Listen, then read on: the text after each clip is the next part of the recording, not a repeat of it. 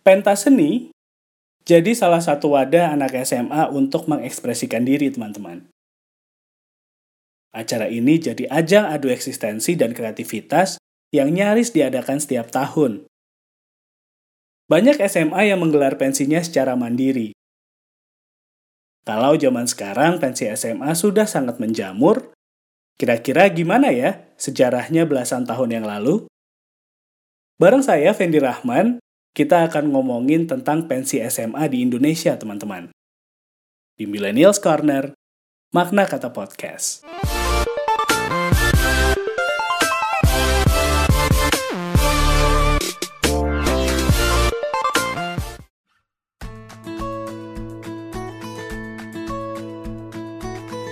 Tahun 80-an, tawuran pelajar jadi topik yang panas banget di Indonesia.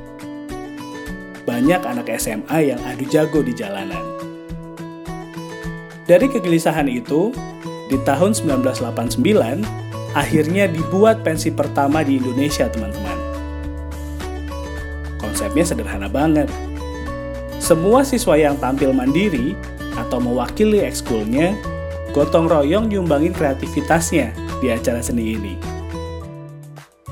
Sampai akhirnya, di tahun 2008, citra positif pensi SMA tiba-tiba hancur, teman-teman. Sebuah pensi salah satu SMA di Jakarta berakhir ricuh. Bahkan sampai ada penjarahan massal yang dilakukan sama oknum penonton. Imbas dari kejadian itu, bikin penyelenggaraan pensi di Indonesia sempat vakum lebih dari lima tahun. Seiring perkembangan zaman, pensi dijadikan acara tahunan yang penuh kebanggaan setiap angkatan. Ada gengsi tersendiri kalau bisa bikin acara yang lebih baik dari tahun sebelumnya. Bahkan ada juga yang berlomba jadi trendsetter di setiap penyelenggaraannya. Acara seni ini secara nggak langsung juga jadi sarana promosi untuk sekolah mereka, teman-teman. Nggak cuma ajang kreativitas, Pensi SMA zaman sekarang juga jadi lahan basah untuk pelaku bisnis. Gimana enggak? Ada puluhan bahkan ratusan juta rupiah berputar di tiap penyelenggaraan sebuah pensi. Mulai dari penjualan tiket, UKM di food bazar, vendor equipment, artis manajemen, sampai brand besar yang berlomba jadi sponsor utama.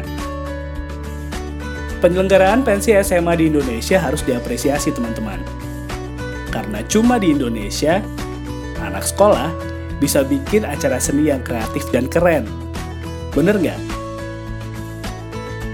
Kalau kamu punya ide yang kece, saran atau kritik, bisa DM saya via Instagram atau Twitter di @vendirahman atau kirim emailnya di vendirahman@gmail.com.